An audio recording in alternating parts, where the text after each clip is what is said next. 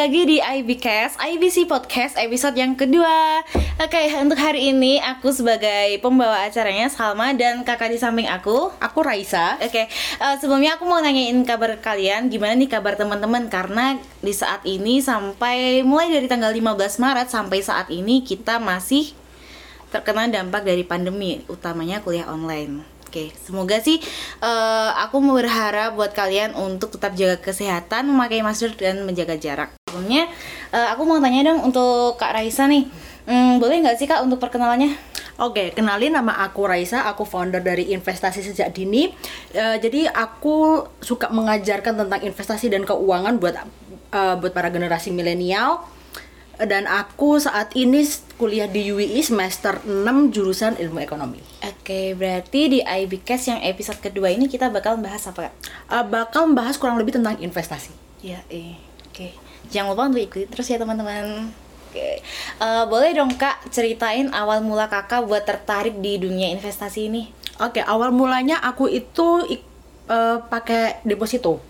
Oh, Jadi deposito kan dari bank kan ya. Nah, awal pakai deposito terus aku mikir lagi nih, aku kira-kira mau lanjut pakai deposito atau mau investasi yang lain. Karena aku mikir eh, karena di ilmu ekonomi kan juga belajar begituan kan ya. Jadi di yang aku pelajarin bunga dari deposito kecil daripada bunga dari inflasi. Jadi secara nggak langsung aku kalau invest di deposito itu rugi buat jangka panjang. Terus aku belajar-belajar lagi. Eh, awalnya aku nemunya di reksadana pakai aplikasi bibit kalau Oh, iya. teman-teman tahu. Nah. Awal di reksadana terus aku ngerasa lagi kayaknya aku kalau belajar di reksadana tuh kayak mentok gitu. Kayak kurang menantang gitu kan ya. Jadinya aku milih buat belajar saham. Jadi aku pakai aplikasi ajaib. Teman-teman juga bisa download aplikasi ajaib. Dan di situ aku mulai mendalami belajar analisis fundamental. Jadi aku di sini sebagai investor bukan sebagai trading. Kayak gitu. Oh ya kak, tadi kan aku udah bahas pandemi ya kak. Nah, menurut kakak nih, eh, di masa saat ini kita belajar investasi bisa nggak sih? Karena kan adanya pandemi ini pasti memberikan dampak ya, Betul. apalagi di sektor ekonomi. Kita tahu ya kayak bisnis-bisnis banyak yang gulung tikar. Terus eh, ada orang yang mau bangkit lagi untuk usahin bisnisnya, mau branding itu pasti agak susah. Oke, Nah, mm. nah kalau menurut kakak nih, dunia investasi dimasukin di masa pandemi, menurut kakak gimana? Cocok gak? Cocok banget, soalnya aku sendiri juga masuknya waktu pandemi. Kalau Oke. misalnya eh, teman-teman masuk waktu awal pandemi Hmm. sekitar bulan Maret, sekitar bulan April, itu saham tuh pada kalau ini kita ngomongin saham lah ya. Iya.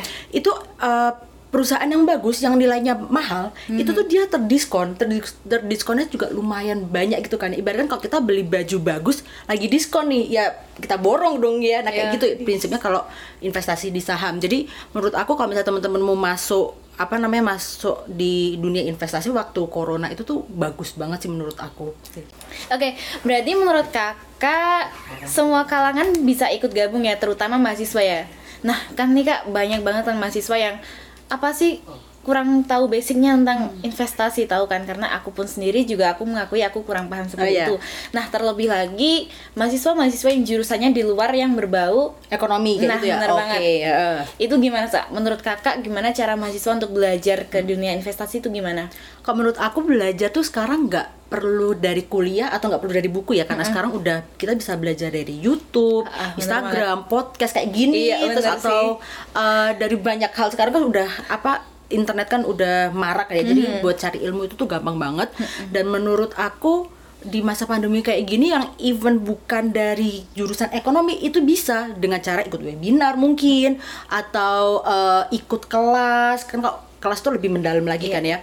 Atau mungkin beli buku sekarang kan juga udah banyak buku investasi. Jadi sumber ilmu tuh ada banyak banget nggak cuma dari apa namanya eh, perkuliahan gitu Iya bener banget sih kalau dari zaman dulu kan kita belajarnya pas buku, buku, Betul, buku, buku betul. kan. Nah sekarang pasti kan semakin bertambahnya zaman, berkembangnya zaman, pasti banyak perkembangan kan mulai dari adanya internet, ada sekarang juga ada webinar kan lagi gencar-gencarnya Iya, webinar. benar. Jadi kita bisa belajar dari situ juga kan. betul. Kakak kan udah cerita ya mulai dari awal investasi ya, Iya, cerita awalnya mulai tertarik ke dunia investasi gimana, terus cara mahasiswanya seperti apa untuk belajar belajarnya seperti apa. Nah, kalau kita udah tahu ya cara kita belajar investasi itu apa, tapi tujuan kita itu apa sih gitu loh?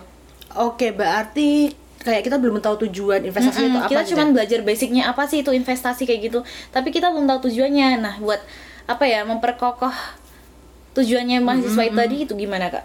Oh, kalau menurut aku sebelum kita investasi itu bener kata kamu kamu yang kita tuh harus uh, tahu tujuan investasi kita tuh apa. Bener. Jadi banyak uh, kesalahan yang aku temui itu tuh kita milih produknya dulu baru asetnya gitu. Eh Iya. milih produk dulu baru nentuin tujuannya. Itu tuh salah. Jadi kalau misalnya kita ibaratnya kita mau naik kereta, kita kan harus tahu tujuan kita dulu apa. Misalnya kita mau tujuannya ke Semarang nih. Iya. Kalau ke Semarang kita mau pilih pakai apa? Misalnya mau pakai travel kah atau mau pakai eh, kereta kah? Jadi kan kita punya tujuan dulu baru kita pilih eh, kendaraannya kan Iya, ya. berarti kadang ada orang yang salah target ya. Iya betul. Nah makanya banyak yang kayak eh, mereka tuh investasi tapi tapi nggak tahu mereka tuh buat apa gitu investasinya kan. ya. Cuman cari untung ibaratnya. Iya cari untung biar kaya. Itulah mindset kayak apa namanya investor awam yang kayak males banget belajar Mesti kayak ya investasi ya biar kaya gitu. Padahal Iya. enggak gitu. Salah banget kan? Salah iya bener salah banget itu. Jadi yang benar kita tuh harus punya tujuan dulu misalnya kayak kamu mau S2 gitu ya. Misal kamu S2 tahun 2002 berarti kan itu satu tahun lagi. Nah, karena satu tahun itu jangka pendek, berarti kita harus tahu produk investasi mana yang bagus buat jangka pendek atau yang kurang dari satu tahun. Contohnya kayak deposito tuh bagus buat dari eh, buat eh, investasi jangka pendek atau contoh lain ada RDPU reksadana pasar uang itu bagus juga buat jangka pendek kayak gitu jadi harus tahu tujuannya dulu terus tahu jangka waktunya kapan misalnya satu tahun lima tahun apa 10 tahun nah baru pilih produk mana yang cocok kayak gitu Oke. Oh iya, tadi kan kakak udah ngebahas tentang produk investasi ya. Tapi aku mau sebelum masuk ke situ, boleh aku ulang lagi nggak kak? Boleh. Tentang investasi yang ke mahasiswa tadi. oke Nah, aku tuh mau tanya dong, aku juga penasaran sih, cara mulai investasi untuk kalangan mahasiswa tuh kayak gimana? Oke, kalau dari aku, aku bakal nyaranin ke semua teman-teman aku sebelum mulai investasi itu ada baiknya kita mengetahui profil resiko dulu. Apa itu kak? Jadi profil resiko itu sebenarnya kayak patokan awal kita sebenarnya kita tuh termasuk ke investor agresif, konservatif atau ke moderate kayak gitu nah, ya. tiga-tiganya itu apa? Jadi singkatnya kalau yang konservatif itu dia investor yang menghindari resiko gede. Bisa dibilang low return sama low risk. Tapi yang moderate ya dia pingin eh, apa namanya dia bisa ngehandle resiko yang agak lebih besar tapi dengan return yang juga sedang-sedang aja gitu. Berarti kan moderate berarti sedang-sedang aja. Sedangkan yang agresif itu dia investor yang dia berani eh, apa namanya berinvestasi di aset yang resikonya gede. Misalnya contoh kayak saham atau Bitcoin itu yang resiko gede banget kan. Nah, buat yang berani buat masuk ke situ itu masuknya ke investor agresif. Itu profil resiko. Jadi setiap orang itu bisa milih tiga itu ya? Eh, bukan milih itu sebenarnya ada tesnya. Nanti kamu masuknya ke investor agresif kah atau konservatif ataupun ke moderate kayak gitu. Oh kayak gitu, baru tahu sih aku. Iya, ada tesnya dan eh, biasanya apa namanya itu tuh tesnya simple sih kayak contohnya eh, kalau misalnya harga investasi bukan harga sih ya aset investasimu turun kamu bakal jual atau kamu bakal beli kalau misal jual nanti artinya apa kalau misal kamu mau beli artinya apa ada ada itunya sendiri gitu Kalau Kak Raisa sendiri ambil yang apa? Eh, kalau aku yang moderate Moderate. iya Alasannya? Kalau alasannya kurang berani juga sih ya kalau aset investasi besar yang penting aku tuh returnnya nggak yang besar-besar banget yang penting pasti. Hmm. Jadi nggak mau return yang gede tapi yang penting dapat eh, return kecil tapi tiap hari lah ibaratnya kayak gitu. Oke, berarti kalau kesimpulannya nih dari ketiga pilihan tadi itu bukan pilihan ya maksudnya? Bukan ya itu tipe-tipenya. Ah, dari tiga ketip tiga tipe itu mahasiswa paling bagus yang mana kak? Eh, semuanya bagus menurut aku. Tinggal balik ke diri kamu masing-masing itu kayak gimana. Berarti cara yakinin diri kita sendiri ya? Iya betul. Terus kadang profil resiko tuh kayak belum pasti gitu. Jadi misalnya kamu profil resikonya jatuhnya ke konservatif yang eh, investasi yang resikonya kecil ya. Tapi sedangkan kamu ini eh, minat untuk resiko yang gede. Oke. Dan kamu berani menanggung kalau misalnya aset investasi kamu tuh anjlok gede tuh kalau kamu berani ya berarti kamu bisa dikatakan investor agresif kayak gitu. Oh. Jadi belum fix profil resiko itu menentukan jati diri investasi eh jati diri investor kita masing-masing kayak gitu. Enggak. Baru tahu sih. Bener banget sih. Oke, sebenarnya ilmu yang aku dapat walaupun belum sampai full ya yang bahas yang kita bahas hari ini, tapi aku udah dapet Gambarannya gitu Iya ya. udah dapat oke. gambarannya sih. Oke. Nah, Kak, berarti kalau udah dari cara mulai investasinya dari kalangan mahasiswa, nah kalau produk investasinya itu gimana Kak? Oke, produk investasi itu ada banyak banget kan ya. Tadi aku bilang kalau misalnya mau investasi sebaiknya tuh tentuin tujuannya dulu. Tentuin tujuan terus jangka waktunya baru pilih produk produk Investasinya. investasinya. Iya. Nah, ini aku sebutin dia mungkin satu dua aja ya biar kita cepat. Eh, yang buat jangka pendek itu bagusnya ada deposito sama reksadana pasar uang ini jangka waktunya kurang dari satu tahun. Terus yang sedang atau yang menengah itu bagusnya ada reksadana pendapatan tetap sama obligasi atau surat berharga negara, surat berharga syariah negara, eh, surat hutang kayak gitu bagus buat jangka menengah yang sekitar mungkin 2 sampai lima tahun. Tapi kalau lebih dari lima tahun itu masuknya udah ke jangka panjang. Contohnya tuh saham, terus bisa reksadana saham. Ya itu. Ya. Misal nih kak kayak aku kan juga pernah dengar kan produk investasi tapi disangkut pautin misalnya mau beli rumah mau beli Oke. mau beli mobil kayak gitu. Nah itu kayak gimana sih kak? Em, gimana maksudnya ini? Jadi kayak jarak-jarak yang tadi tuh loh kakak bilang misal jaraknya tiga tahun lima tahun. Nah itu tuh ada sangkut pautnya nggak sih? Maksudnya aku mau beli mobil nih. Nah aku ambil produk investasi yang kayak gimana gitu. Oke, ada nih. Nah, makanya aku tanya, kamu mau beli mobilnya tahun berapa? Oh misal nih misal 2025 ya. 2025 berarti itu empat tahun lagi kan ya Iya. karena empat tahun lagi dia masuknya ke investasi jangka menengah Mhm. jadi kamu bisa ngambil yang tadi aku sebutin itu atau kamu ada opsi lainnya P2P lending peer to peer lending itu eh, kamu minjemin uang ke perusahaan nanti perusahaan juga bakal ngasih apa namanya itu Eh, return Oh, return ke kamu itu juga bisa jadi apa namanya emang ada banyak opsinya sih. Tinggal dipilih aja mana yang cocok sama kamu gitu. Oh. dan tujuan investasi kamu. Ya sih berarti balik lagi ke omongan Kak Raisa berarti kalau kita sebagai investor itu berarti kita harus mencerminkan diri kita sendiri ya kan. betul betul Jadi kalau kita mampu di sini ya udah kita pilih Iya ini. benar benar benar benar. Kalau kita nggak mampu ya nggak usah jangan Iya. melewati batasnya. Betul kan ada banyak tuh yang ikut-ikutan mungkin Ah. karena sekarang lagi hype-nya eh, saham terus pada orang masuk ke saham padahal nggak tahu apa namanya nggak tahu analisanya kayak gimana terus modalnya juga terbatas soalnya Iya. kan saham juga harganya ada yang mahal ada yang murah juga kan tapi eh, buat yang saham kayak yang blue chip itu kan juga mahal ya jatuhnya nah kita jangan yang asal ikut-ikutan orang aja kita harus tahu diri kita tuh mampunya nanggung resiko yang seberapa terus tahu modal kita berapa jadi nggak cuma asal ikut-ikutan aja gitu sa Ya semuanya kembali lagi ke kemampuan setiap Iya orang benar masing-masing. benar banget benar banget Nah, FYI aja sih buat teman-teman pendengar setia IBcast. Sebenarnya di sini bukan cuma hanya aku dan Kak Raisa. Nah, pasti banyak sih tim-tim setia IBcast di belakang ini. Jadi itu aku lihat sih dari tadi kayaknya banyak yang penasaran. Terus antusiasnya gede eh, eh, terus kayaknya mau ngajuin pertanyaan sih. Cuman kayak nggak berani sih nggak Kak? Iya, boleh aja kalau misalnya ada pertanyaan boleh di. Hmm, ini ada open pertanyaan loh. Oh, aku mau tanya. Boleh, boleh silakan. ya. Aku dulu. Satu, satu lah. Pentingnya investasi buat mahasiswa tuh apa sih kak? Oke, gimana Kak? Oke, boleh aku langsung jawab? Langsung aja Oke. sih. Pentingnya investasi buat mahasiswa menurut aku tuh penting banget nggak ya? Nggak cuma buat mahasiswa aja, tapi ini buat kelangsungan hidup kita gitu. Itu investasi penting banget. Karena apa? Karena di dunia kita, di dunia ekonomi itu tuh nggak cuma eh apa sih kita ngehasilin uang gitu. Ada saatnya kita tuh harus bikin uang kita bekerja buat menghasilkan uang yang lain.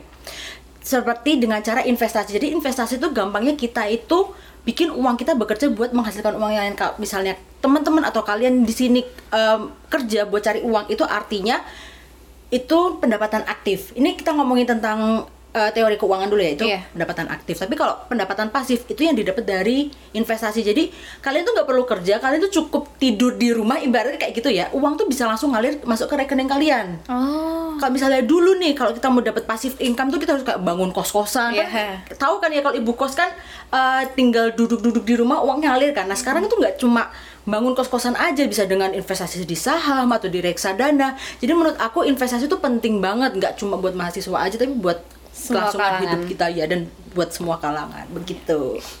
Oke lanjut ke pertanyaan yang kedua ya kak. Boleh. Ada yang mau tanyakan? Aku Yoi gimana? eh, berapa sih biasanya modal yang dikeluarkan untuk mahasiswa? Nah, itu gimana, Kak? mahasiswa? Oke, langsung aku jawab ya. Jadi modal yang dibutuhin sebenarnya kita bisa mulai dari modal 0 rupiah sebenarnya ya. Oh bisa kah? Bisa dengan cara mungkin kalau teman-teman di sini ngakalinnya pakai kode referral. Kode referral oke. Ada beberapa aplikasi yang pakai kode referral. Nanti Mhm. eh, mungkin bisa dapat kalau dia ajaib tuh dia dapat koin. Mhm. Nanti koin itu bisa ditukar dapat satu lot saham. Itu modalnya nol kan? Iya. Nah, itu bisa pertama mulai dari 0 rupiah atau bisa mulai dari 10.000 ribu rupiah. Itu dari reksadana. Ada reksadana yang minimum kita beli itu 10.000 rupiah.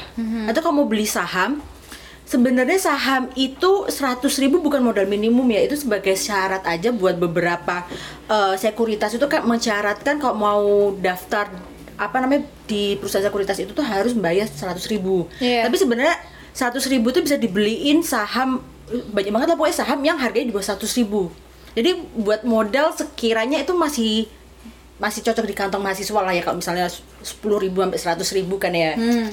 Jadi aku tuh mikir kan, karena emang banyak teman-temanku yang mulai 100 ribu, 100 ribu, 100 ribu. Oke, berarti aku mikirnya minimal berarti 100 ribu dong. Oh ternyata enggak. enggak gitu. enggak iya kalau misalnya investasi sebenarnya bukan masalah modal ya Iya. sebenarnya investasi itu masalah konsisten jadi mau modal kamu 10 ribu 50 ribu nggak apa-apa yang penting tiap bulan kamu sisain buat investasi kayak gitu seberapa seberapa besar modal itu nggak peduli yang penting konsisten aja dan mulai sedini mungkin Sedini mungkin Iya. sih. Kalau bisa sekarang. iya betul banget Kayak gimana nih? Jawabnya udah puas belum?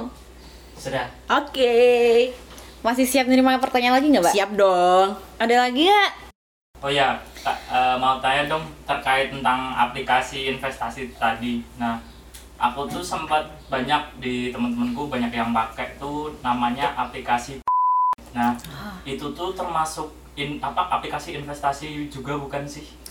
Oke, kalau menurut aku aplikasi itu tuh bukan investasi karena itu cuma apa namanya itu kayak judi ya kalau aku boleh bilang itu judi karena di situ nggak ada analisis. Khususnya kita cuma nebak naik turun naik turun aja. Kalau naik terus tebakan kita benar kita dapat duit. Kalau salah ya du- duitnya turun. Itu menurut aku bukan investasi itu malah lebih ke judi karena menurut aku investasi itu tuh nggak ada yang bisa buat cepet kaya.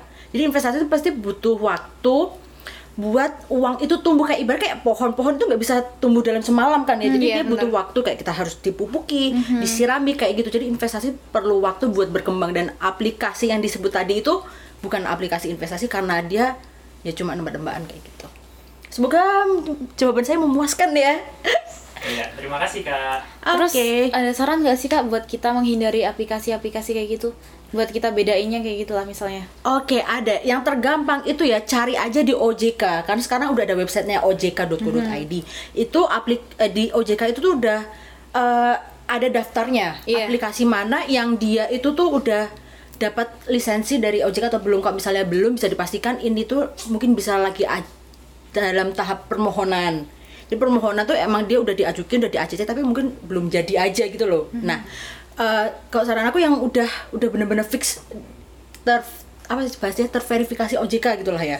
Dan kalau misalnya teman-teman buka di aplikasi awal misalnya mungkin entah itu bibit atau apa, itu biasanya ada di bawahnya itu ada terdaftar oleh OJK. Nah, itu mending itu aman. Kalau misalnya nggak terdaftar di OJK atau teman-teman cari eh, aplikasi A gitu, kalau misalnya nggak ada di OJK berarti dia nggak aman gitu.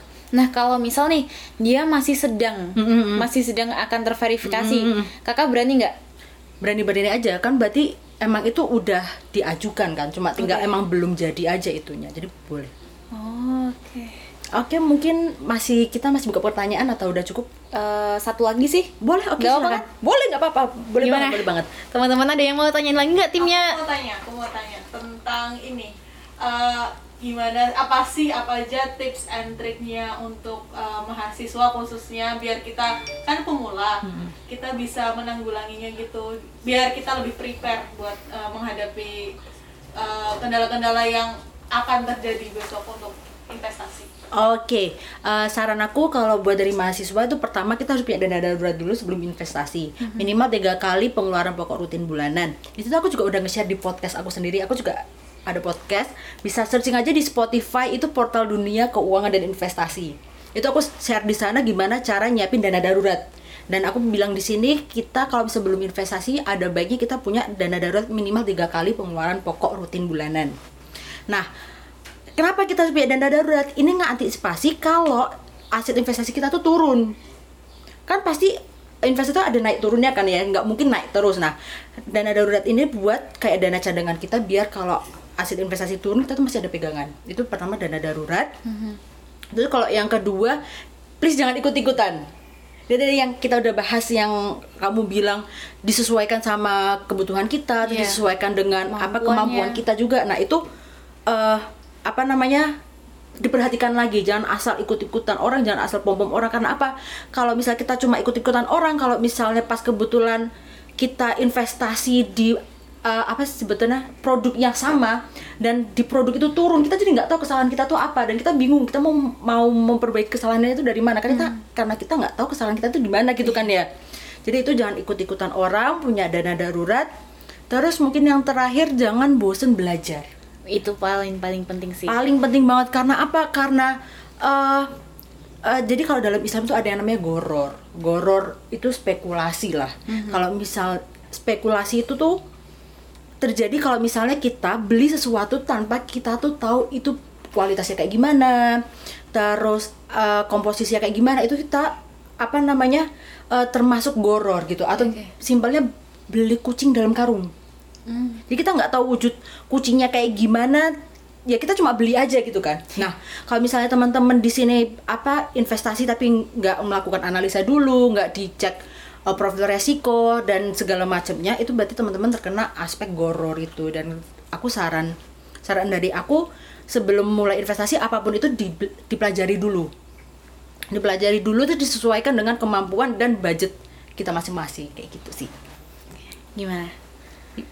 Cukup menjawab. Oke, Terima kasih. sama-sama. Makasih juga untuk Kak Raisa, jawabannya emang banyak banget ya. Jadi ilmu yang kita dapetin hari ini mulai investasi apa itu investasi, Betul. cara kita mulai investasi, terus untuk produk invest- investasi tadi, terus nilai risiko ya kak. Benar. Nah untuk yang pertanyaan-pertanyaan dari tim-tim IBCast juga itu beneran banyak banget dan pasti nambah ilmu sih. Alhamdulillahnya kalau misalnya menambah pengetahuan tuh aku juga ikut seneng gitu ya. Iya. Mau jadilah yang bahala juga sih. Iya betul betul banget betul. Oke, jadi teman-teman, kita hari ini kan udah mulai bahas ya tentang investasi apa itu. Nah, kita untuk yang kali ini bakalan bahas tentang aplikasinya. Tapi kali ini bakalan ada tamu lagi. Kak, Eh, perkenalkan nama aku Erika. Eh, saya co-founder dari Investasi Sejak Dini. Eh, aku dari Universitas Negeri Semarang, eh, jurusan Ilmu Komputer angkatan 2018. Nah, untuk teman-teman yang penasaran tentang tutorial penggunaan aplikasi ajaib, eh, silahkan untuk cek di YouTube IBC UAE. Penutup dari aku, aku mau kasih quotes ke kalian. Eh, pengeluaran yang bijaksana adalah bagian dari investasi yang bijaksana dan tidak ada kata terlambat. Jadi, kapan pun kita mulai itu nggak ada kata terlambat. Dan itu menurut Runda Katz info lanjut tentang investasi, tentang saham dan apa pun itu eh, bisa langsung ke Kak Raisa melalui apa Kak? Uh, Instagram at r a i s s a s a nya a nya belakangnya lima kali terus bisa cek di podcast uh, di Spotify portal dunia keuangan dan investasi atau bisa disebut podcast lalu ada TikTok sama YouTube Eh, investasi Sejak Dini. Eh, sekian dari kita dari aku Kak Erika dan Kak Raisa untuk IBCast episode yang kedua hari ini dan jangan lupa untuk ikuti terus IBC yang mana untuk sosial medianya tercantum di description box. Jangan lupa untuk like, comment, Share dan subscribe see ya. dadah